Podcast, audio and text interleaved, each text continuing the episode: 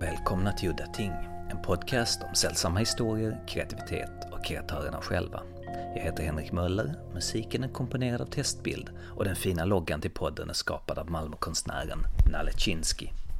Det här avsnittet ska handla om skräckförfattaren Anders Fager. Intervjun med Anders var den andra jag gjorde för Udda Ting och jag var mest vid det tillfället intresserad av att prata om drömmar och tekniska skrivartekniker för skräckgenren. Båda dessa var något som Anders inte var speciellt intresserad av att prata om och det gjorde att intervjun blev väldigt rörig och lång. Där jag försökte få Anders att förstå vad jag menade genom onödigt långa monologer, något som han var snabb att påpeka. Efter detta så blir intervjun liggande, halvklippt, i cirka sex månader och först nu som jag tagit mig i kragen och sätta ihop det till ett avsnitt. När jag var tio år gammal så spelade jag rollspel för första gången. Och för de som inte vet vad ett rollspel är så är det ett historieberättande spel med penna, papper och tärningar. Det var fantasyrollspelet Drakar och Demoner och äventyret hette Spindelkonungens pyramid, skrivet av den då 17-årige Anders Fager. Jag tror, att det här är, jag tror att det här är mitt stora bidrag till liksom den, den svenska kulturen någonsin. Det kommer att pratas om med min begravning, den här jävla Spindelkungen. Den roligaste vinkeln på den är ju att vi stod på en, ett event om äventyrsspel för ett halvår sedan där folk från Svenska dataspelsföreningen heter det va? Deras branschorganisation sa att det är 3 500 jobb och så här många miljoner i, i intäkter. Och det började med de här spelen. Det är ju jävligt kul att känna att man har varit med i det. Nu hoppar vi säkert 20 år in i framtiden, jag är inte exakt säker på året. Det såg jag Anders på TV. Han hade blivit skräckförfattare och satt i tv-soffan och dissade H.P. Lovecraft. Jag blev nyfiken och läste hans bok, Svenska kulter. Det var bra grejer, Anders snackade inte bara skit. Men jag blev intresserad för att Anders hade en annan ingång. Som han själv säger så läser han inte direkt skräcklitteratur, utan när han läser så läser han James Elroy och Raymond Chandler. Hårdkokta noirdeckare med grovt korthugget språk, vilket faktiskt förklarar en del när man läser svenska kulter. När kom du på att du skulle bli författare? Hur kommer man på att man ska bli författare? Det är ju, det är ju jag vet inte. Jag, jag hade väldigt enkelt för mig så tillvida att jag hade en bekant som hade ett litet förlag och jag sa det om jag skriver en novellsamling, ger du ut den då? Ja men du kan väl skriva en novell säger han och så får jag se hur det ser ut. Och så skrev jag en novell och så sa han det här ger vi ut. Sen har jag gjort mina 10 000 timmar och har skrivit vad det nu kan vara, tre eller fyra eller fem så gott som färdiga romaner som jag kommer att ta med mig i min grav. Det är ju så man får ju börja liksom. Det är ingen som betalar en för, för, för att någonting man inte kan. Och sen hade jag väl bara tur att jag lyckades ju göra de här 10 000 timmarna på någonting jag var, hade någon sorts fallenhet för. Det var ju tur att jag inte la 10 000 timmar på eh, höjdhopp ja, sen gick tåget eller vad man ska säga. Det var ju jävligt roligt. Vad är skräck för dig? Att läsa skräck är som att alltid lämnas otillfredsställd.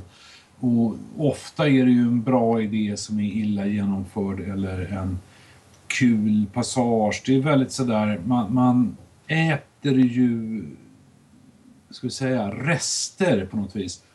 Eh, och så jävla många som skriver skräck bra finns det ju inte. Vad var det som inspirerade dig i skräckväg när du började skriva?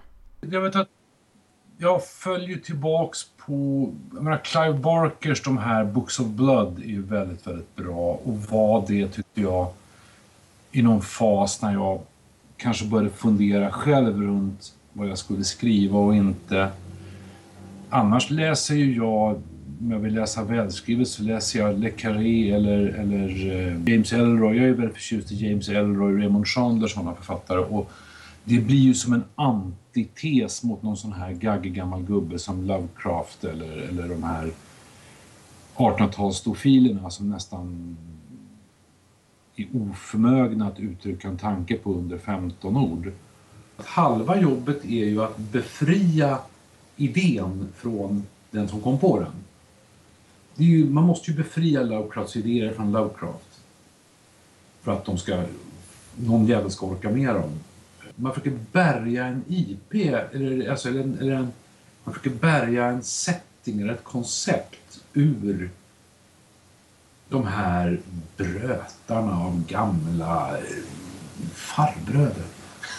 Utanför intervjun så måste jag tillägga att jag nyligen läste om Lovecrafts The Color Out of Space och den är så briljant och skrämmande att den funkar än idag.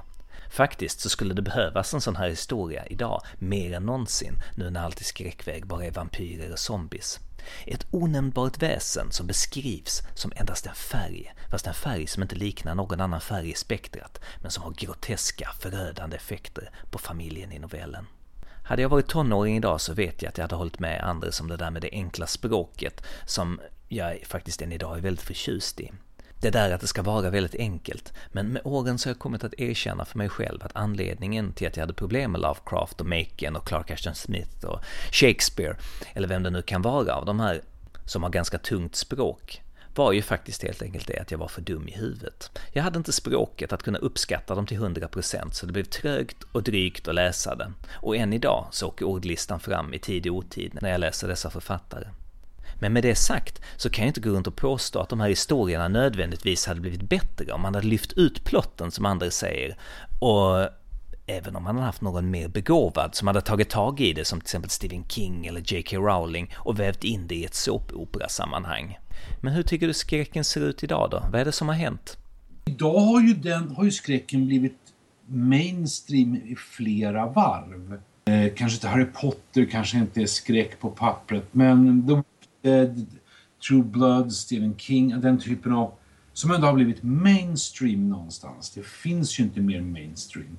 Eh, Johan Ajvid, eh, eh, Mats Strandbergs Färjan, det är ju mainstream-litteratur. Och det är väl en, det är jättebra tycker jag. Det här är ju, det har, då, då har det här blivit ett allmängods.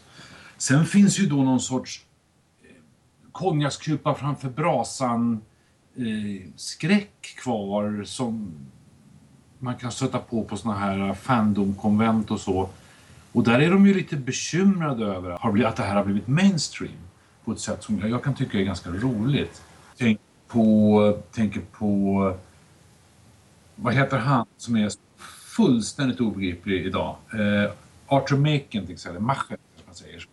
Som är små förskrämda engelska farbröder som gärna sitter runt en brasa och berättar om fruktansvärda ting de varit med om.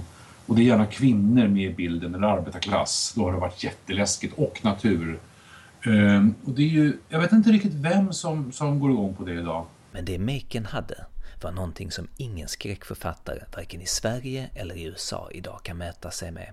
En fingertoppskänsla för det onämnbara som plötsligt drabbar den lilla människan och dömer denna till ett inferno utan like. Jag började citera början på Arthur Makens The Hill of Dreams, Drömmarnas kulle på svenska, som går ungefär så här. There was a glow in the sky as if great furnace doors were opened. Vår huvudperson ser detta ute i skogen och drabbas av ett vansinne som följer honom genom hela romanen. I slutet så bryter sig folk in i hans lägenhet och de hittar honom bredvid ett halvfärdigt manuskript som han har skrivit för att försöka få ner sina upplevelser på papper. De lyser med en lampa på hans ansikte och där knyter Maken ihop säcken med de första raderna till de sista. Går så här. And the light shone into the dying eyes, into the dying brain, and there was a glow within, as if great furnace doors were opened. Detta var för mig själva essensen av kosmisk skräck, när det okända drabbar en människa och skänker denna vansinne och inre inferno. Något som jag saknar idag när genrelitteraturen, bortsett från det som då de som använder sig av Lovecrafts monstergalleri, i stort sett endast handlar om vampyrer och zombies. Det är även mysteriet i det hela som är tilltalande. Och det är just det som är själva tjusningen i skräck och övernaturliga historier, inte hur ett tentakelvidunder sliter huvudet av en svettig gubbe. Problemet ligger ju i att de här gamla mästarnas fokus låg faktiskt på att skildra skräcken i sig, tillståndet, och inte lägga fokus på karaktärsutveckling i någon större utsträckning. Det är ju faktiskt därför som Stephen King blev så populär. Hans grej är ju oftast bara såpoperor med inslag av skräck i sig. Och man tänker nu till exempel på The Tommyknockers där brevbäraren har en affär med kollegan och liknande sådana här såpaintriger. Nej, men alltså, jag tycker Tommyknockers är en av hans roligaste böcker. Att det är sånt jävla kul idé det där med det flygande tefatet.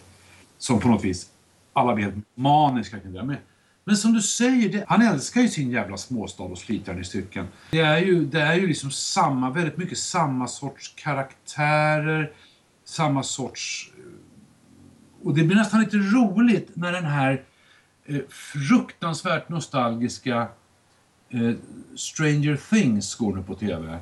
Som är någon, som någon slags bortklippta scener ur Stand By Me, ur E.T.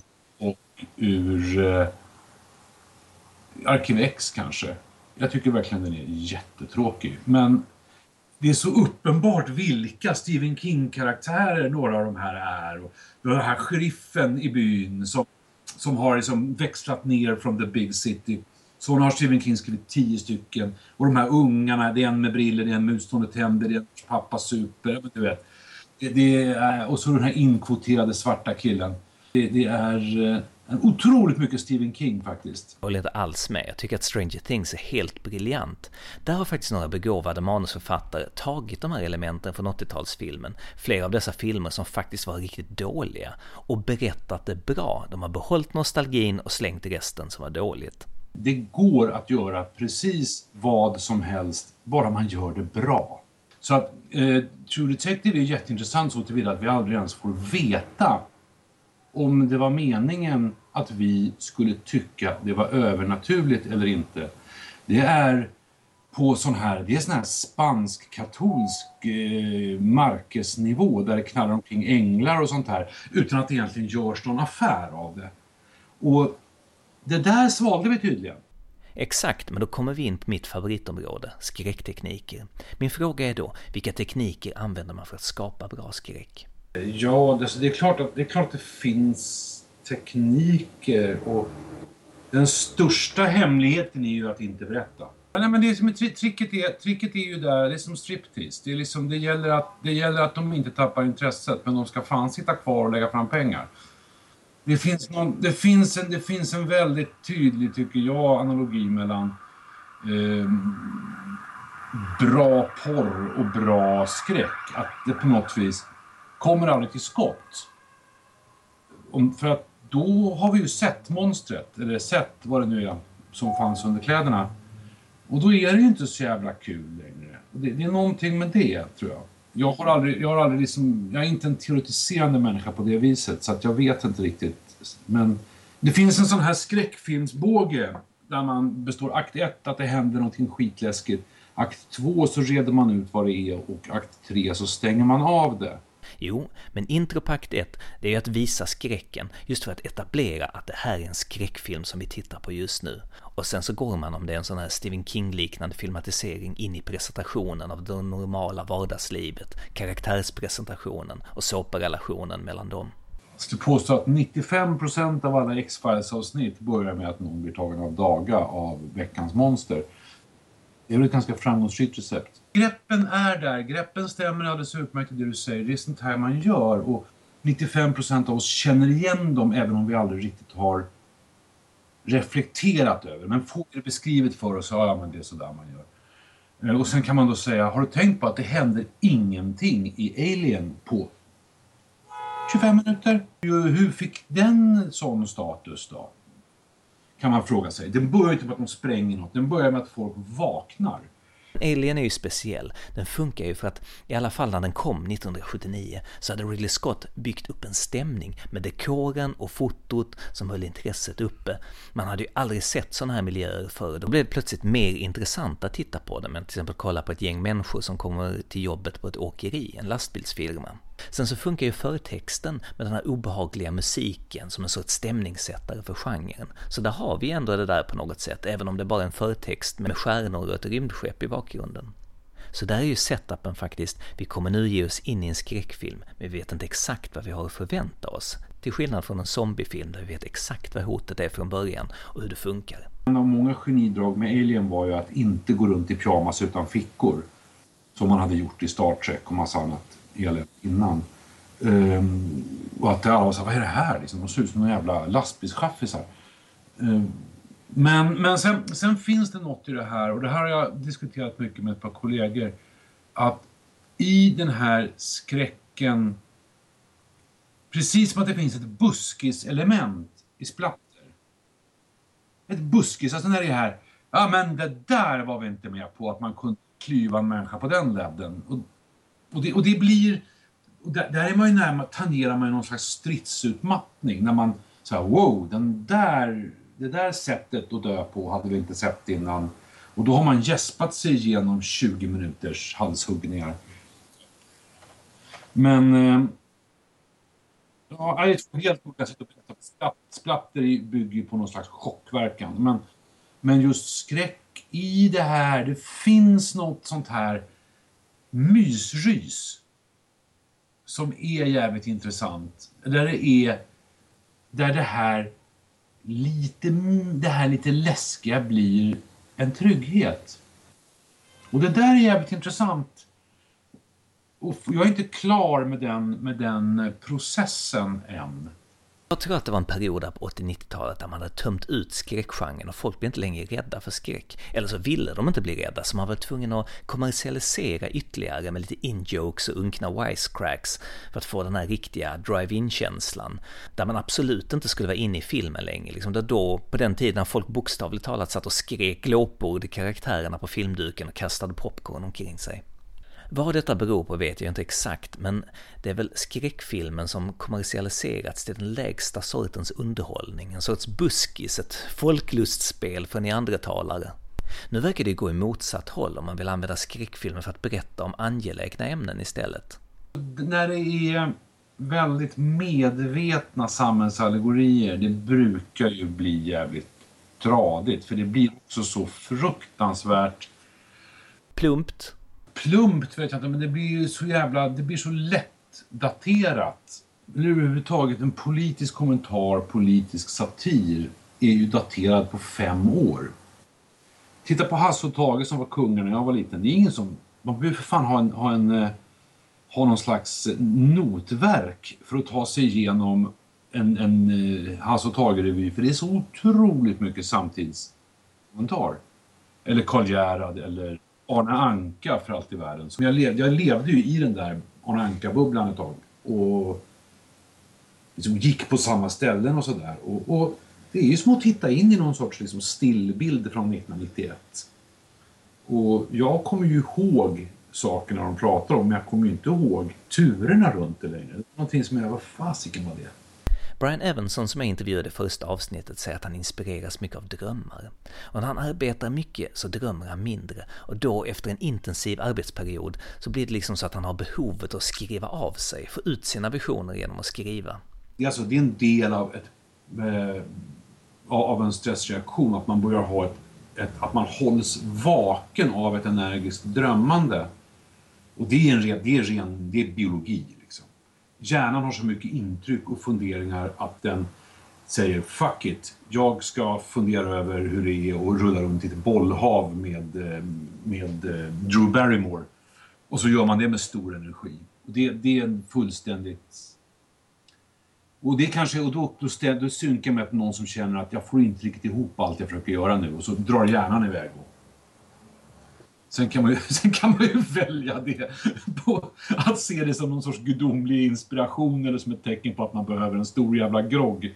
Det kan ju vara liksom två helt olika saker. Jag tror vi tolkar en del människor som, som, som ser sig själva som kreativa har en förmåga att tolka jävligt basala grejer som någon slags här Åh! Du säger att du drömmer mest om hushållsarbete och sex. Du drar rätt mycket paralleller till sex tycker jag. Ja, ja verkligen. Alltså, erotika är ju jätteintressant för att det är eh, mest säljande boken på många, många, många år är en dålig porrroman. Eh, alltså finns det ju uppenbarligen marknad för det. Och internet, alla standards på internet är mer eller mindre avledda av vad porrindustrin råkade bestämma sig för långt innan Youtube eller, eller, eller eh, Wikipedia eller någonting. Eh, så att på det, ur det perspektivet är det givetvis intressant. Sen så tycker jag att det är just kopplingen till skräck. Sexuell lust och rädsla. Finns det några mer basala drifter? Möjligtvis hunger då, men den kanske är, nästan går att koppla till den sexuella lusten. Och de här grejerna är ju jättespännande att mecka med. För att de också går, och speciellt när de börjar gå i varandra. Man är både rädd och hungrig och vill knulla samtidigt. Har du lyckats kombinera alla de här tre någon gång? Ja, på den där jag lyckas röra ihop alltihopa. Men jag har den här, hos, det finns ju en historia som jag skrivit om hos tjej som har en akvarieaffär som heter um, Tre veckor av lycka. Och uh, hon är ju då någon del fisk, eller som Lovecraftianerna skulle säga, Deep One, eller någonting i den stilen.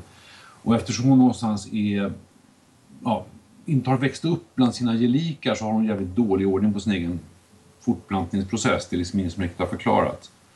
Och hon är väldigt driftstyrd på ett väldigt våldsamt sätt. Och det gör henne också väldigt skrämmande för att hon är jävligt våldsam och obehaglig i sina liksom resonemang. Och ja, men det är kul. Det, det blir jävligt knäppa kopplingar i huvudet på folk. Och det är väl sånt som som är väldigt tydligt Clive Barker. Eh, för att återvända till honom. Clive Barker är väldigt tydligt. Det var väl det som var som kändes väldigt radikalt när han kom. Att han var väldigt sexuell och han var homosexuell också. Ja, men Barker är ju faktiskt den enda som fixar det där utan att det verkar sökt.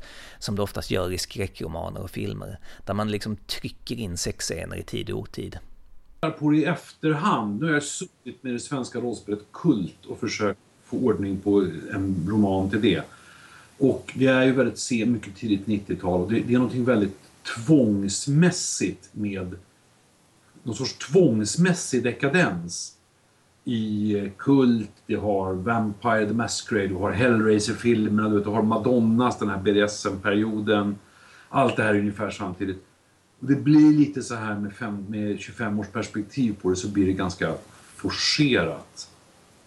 Jävlar vad det ska vara dekadent hela tiden. Liksom, det är inget hångel är komplett utan en köttkrok.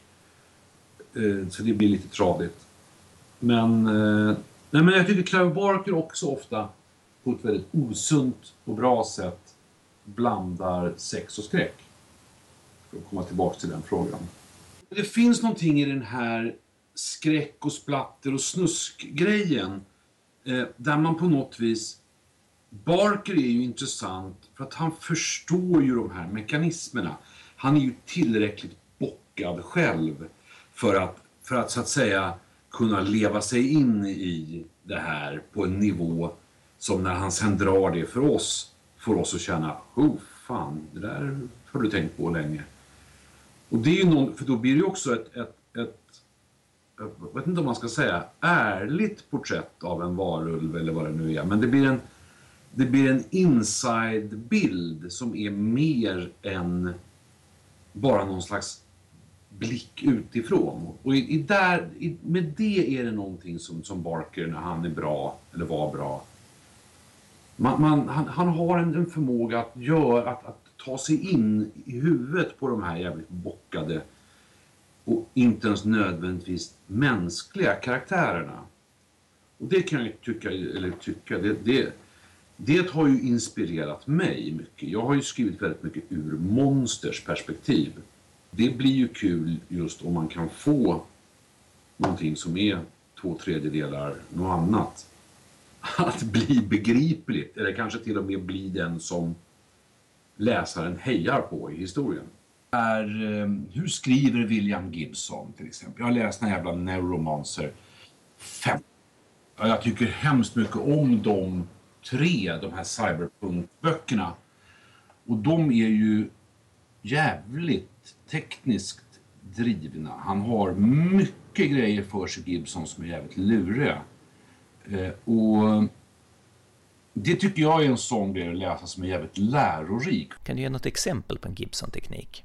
Det här hur han slänger ur sig begrepp bara hejvilt. Och han, han har en otrolig förmåga att kunna beskriva ett rum genom att fördjupa sig en stund hur taklampan ser ut. Det är någonting sådär, mycket namedroppande.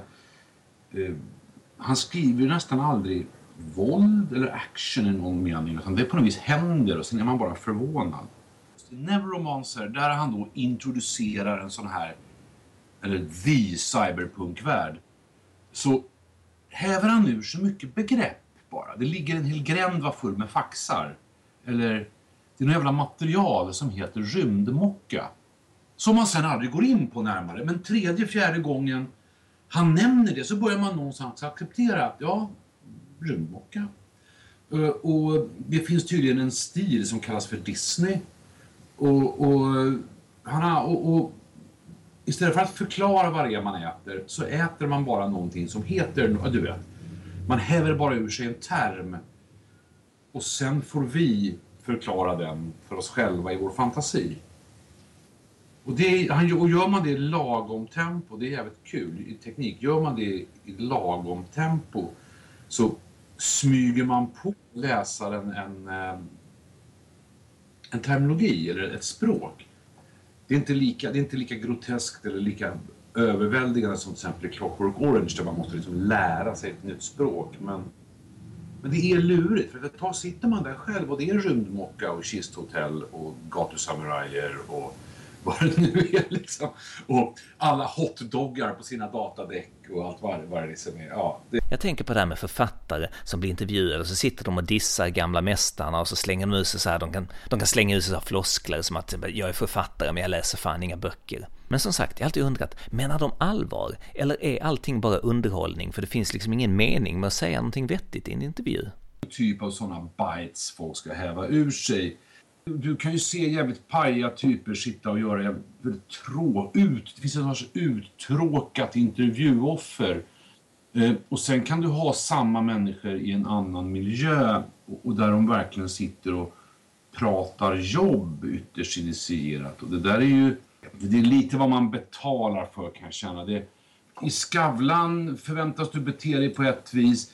Blir du intervjuad av eh, Jessica Gerdin förväntas du vara på ett vis och sitter du i en sån här frukostsoffa intryckt mellan någon fotbollskille och kvällen är dagens frukostkock. Så jag menar, det är en annan roll. Jag vet inte hur många minuter du får prata, om vi ser nu på TV, hur många minuter får du prata oavbrutet i Skavlan eller i Babel? Kan du kanske få prata 10-12 minuter? Det får du ju inte på frukost-TV. Det finns ju inte en chans. Mm. Det, det, det, är liksom... Det är ju, en kvarts timme. Jävlar vad de hinner med på den timmen förutom dig. Eh, och, och, eh, vissa av våra väldigt begåvade författare, Ranelid och såna här, de är ju förjävliga på att häva ur sig grejer som blir bra rubriker. Det, det, är ju en färdighet i sig. Och jag vet, inte, jag vet inte riktigt om det är någon poäng att alltid gå i polemik med den här klickfiskekulturen för att då blir man ju, det är lite som att liksom, om man, om man envisas man med att brottas med grisar så kommer man att lukta som en gris. För att koppla tillbaks till det här med Barker och de här lirarna. För det var också det vi pratade lite om igår, att ner, det, det, det perversa och det nedgångna och det drogade och det risiga. Det blir ju någon slags, för läsaren väldigt lätt någon slags slumming. Man går och tittar på vad de här konstiga figurerna håller på med. Och så får man rysa lite innan man liksom tänker oh, nu går vi hem igen. Trygga värld. Och det finns ju ganska mycket sånt som är jävligt voyeuristiskt skrivet. Det är ju titta här, titta och det är lite kvällstidning över det. Man tar avstånd och förfasas men man visar ju ändå alla bilderna. Det är ju ett sätt också som är, och det, i det sättet att skriva eller skildra sina, sina säga, offer så finns det ju aldrig någon, någon, någon förstå, nödvändigtvis någon förståelse eller medkänsla eller engagemang. Det blir ju bara, det blir i bästa fall någon slags freakshow. Det blir lite som de här freakshow-programmen som, som Femman körde mycket för, såna här hundra höjdare och vad fan de heter, de här outsiders där liksom folk som var kompisar med sina dockor fick sitta och prata ganska omotsagda. Programmet är ju inte till för att fler människor ska tycka att det är kul att prata med sina dockor utan Programmet är ju till för att vi ska sitta och tänka Åh, de pratar med sina dockor. Men som sagt, Clive Barkers grejer har ju stått sig ganska bra. Just för att det inte bara är forcerad spekulation. Utan det kommer helt naturligt ur Barker. Det är liksom hans berättarröst som är så här helt naturligt. Det var som vi pratade om, jag vet inte om det kom med på bandet, men att det tidiga 90-talet är verkligen den forcerade dekadensens era. Ja, precis. Du syftar på rollspelet Kult nu och deras lite krystande att det ska vara liksom så jävla mycket av allt hela tiden. Blod och spermamagi och tortyr och regler för våldtäkt fanns det tydligen också om jag inte minns helt fel. Ja, ja, men man tog i så, så det skvätte liksom. Och, och, jag har ju suttit med det materialet nu och skrivit grejer till det. Det är en roman i den settingen.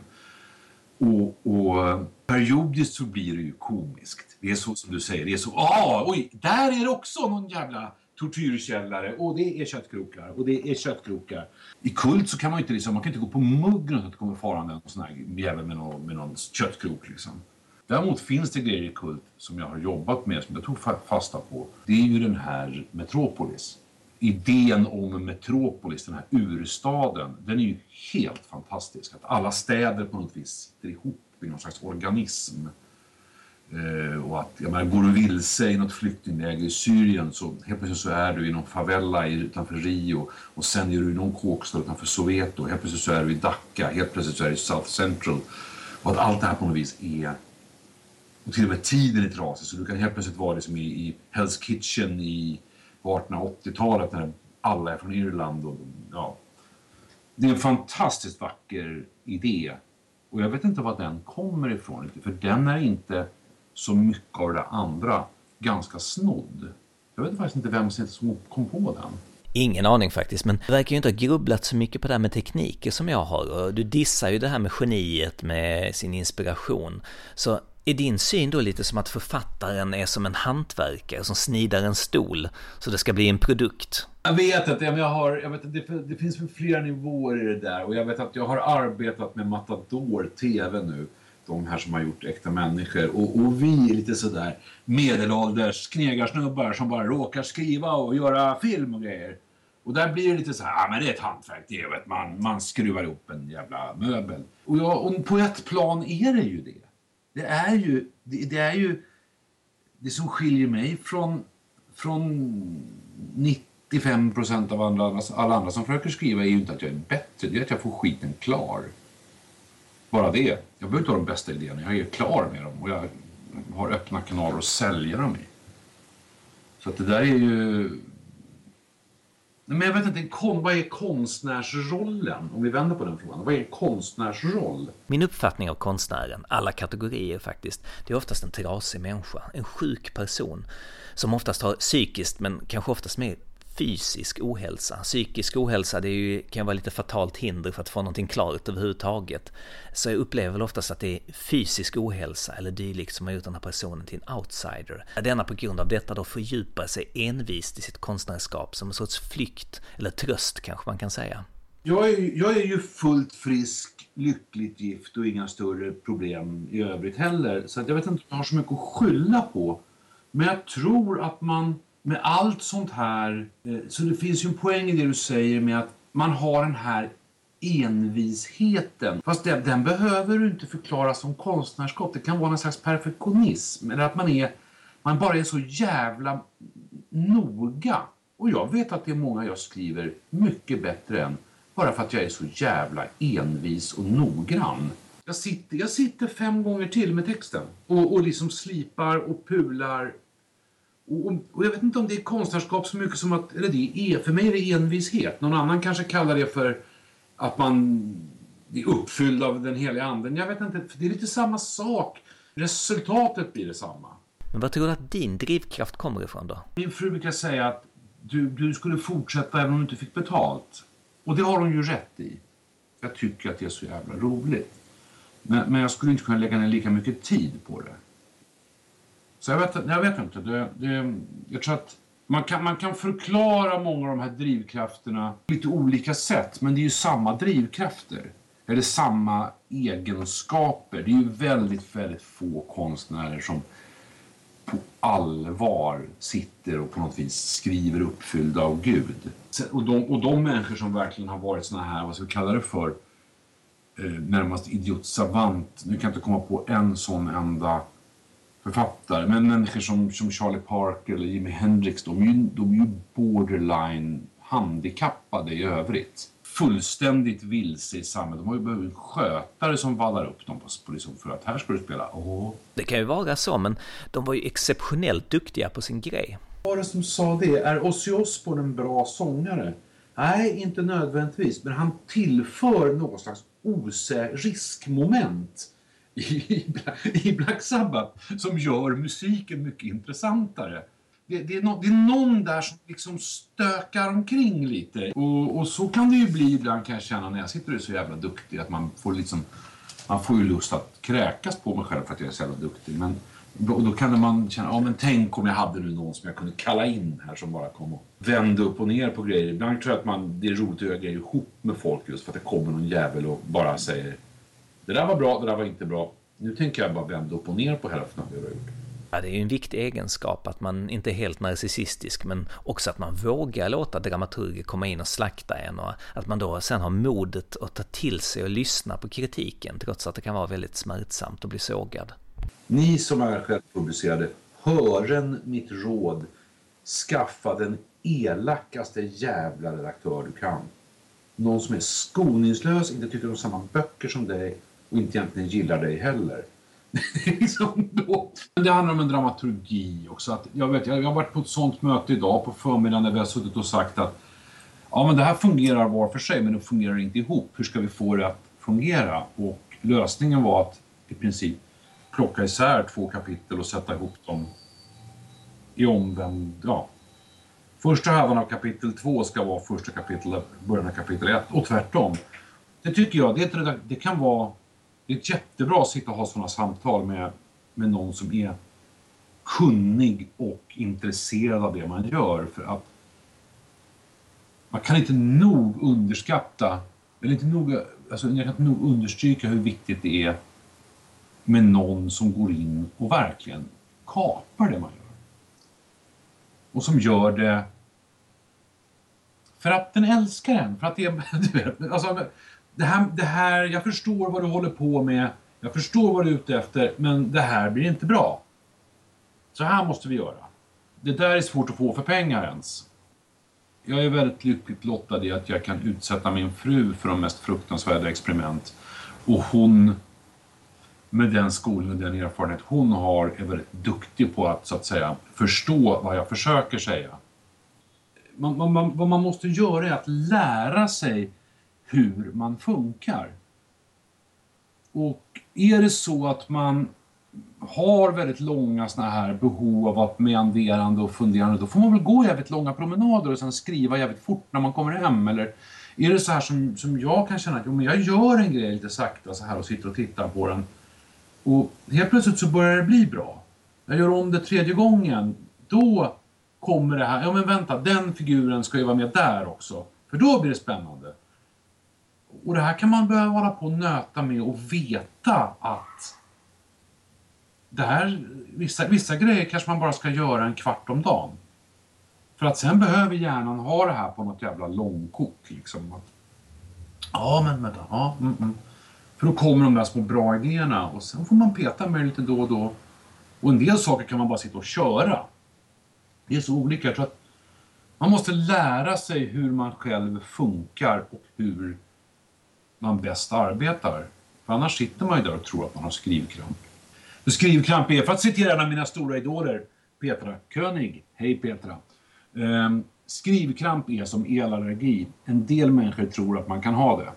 Det är faktiskt en av mina favoritdeviser vad det gäller skrivkramp.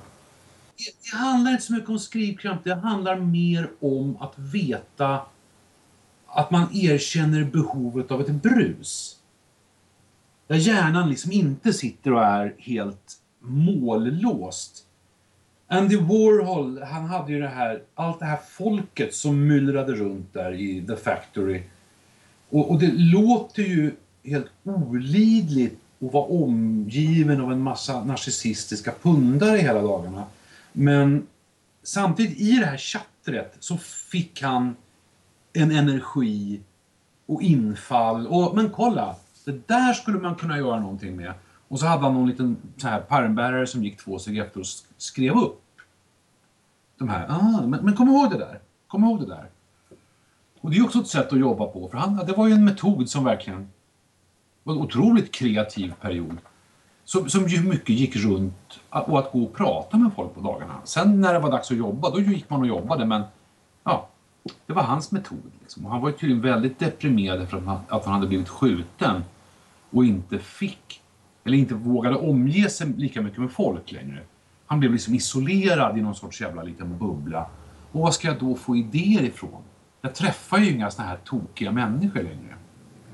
För att han filtrerade på något vis de här intrycken till sin konst. Och ja, det är en metod. Det absolut bästa rådet som jag har hört mot skrivkramp, det här är någonting som jag aldrig har hört förut. Jag var på, ett, jag var på en föreläsning med Robert McKee, dramaturgen, och han sa att den bästa boten mot skrivkramp, det var ett besök på biblioteket och göra research. För när du gör research om det ämnet du skriver om, då kommer du automatiskt att få idéer. Så det är verkligen ett tips jag kan rekommendera till alla som skriver. Det är väl också sådär handen på hjärtat att hälften av grejerna som man får utpekat för, för um, hade man ju kunnat peka ut själv. Folk kommer liksom, men den där scenen, är inte den lite långsam? Jo, den där tappar det lite, jag vet det.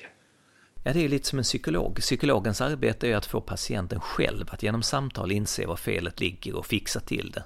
Bra, det var en kul jämförelse med psykologerna. Jag vet att jag satt så med en novell nu jag precis skrev klart att jag blev mer och mer övertygad om att jag var tvungen att göra en ganska genomgripande ändring. Och så satt jag och tänkte, men det tar ju en dag. Orkar jag det? Men det var, men det var det här självbygeriet liksom. Och till sist så skrev jag det i, i, i, i någon sån här not till redaktören. Tror du att det är bättre om vi gör så här? Och, och hon skickar tillbaka. Gör bara, gör det, det blir mycket bättre. Okej då. och då hade jag ju vetat det i flera veckor egentligen. Båda mina föräldrar är hantverkare. Tricket är ju att veta var man kan fuska. För annars blir du aldrig klar. Behöver inte sy så jävla noga här och här, för det är ingen söm som belastas. Fuskar du här så kommer det att gå åt helvete på 30 minuter. Och jag tror man lär sig liksom, man, man, kan ju sitta och nörda ner på research eller långa jävla släktträd till karaktärer eller vad det nu är. Som en del, som är någon sån här lite skrivkursgrej när man har varit på vissa skrivskolor när folk är, gör långa biografier på sina karaktärer. Det är också en sån här grej. Ja, den här karaktären ska vara med, ska vara med i tre scener. Behöver du veta vad han gick i skolan? Sen, sen är det ju väldigt praktiskt om det funkar, om man har användning av det. Men ibland så, jag tror man, men ibland sitter man och gör annat än vad man borde för att det är enklare. Det är väl så. Så tillbaka till det här med skräcken nu igen. Vad är det som skrämmer, om vi säger så här, vad är det som skrämmer dig? Det är sånt som drabbar mig. Ja, men den här osäkerheten som är en grej och att det okända alltid är skrämmande. När vi, när vi, när vi själva känner oss utsatta så att det gjorde ja.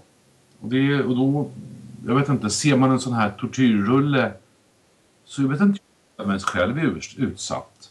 Är man det? Jag, jag ser den för att jag blir rädd för att de här hosteltyperna ska komma och sno mig härnäst. Eller ser jag den för att det är lagligt att se på den men inte på IS-videos? Och vad är, det, vad är det jag pysslar med? Jag tror att det är något helt annat den människan pysslar med än någon som sätter sig, en tjej och en kille som sätter sig och käkar popcorn och ser Babadook. För den är ju liksom en klassisk rysare. Man ska hoppa till och det ska fara popcorn och så ska man vara tvungen att hålla varandra i handen. Och, och det kanske man inte gör till hostel. Honkar liksom. Eller gör man det så ja, då, då har man nog rätt spännande preferenser. Det, där, där och ser man, ja men du, det finns ju miljoner jävla subgenres. Ser du vampyrromans så är det något annat. Och, ja. ja, precis. Men som jag har förstått det, vill komma fram till känslan av riktig skräck. Det är där, precis, det är det vi säger här, att det, det här, den här genuina skräcken, ja men då får du väl för fan sätta en brinnande bil eller någonting. Som sagt, ni som inte har läst Anders Fagers böcker, ni kan börja med Svenska kulter, eller Samlade svenska kulter som han släppte senast. Jag tycker den är riktigt kul. Så, och med de orden så var det slut för den här gången. Jag heter Henrik Möller, musiken är skriven av Testbild. Hej då.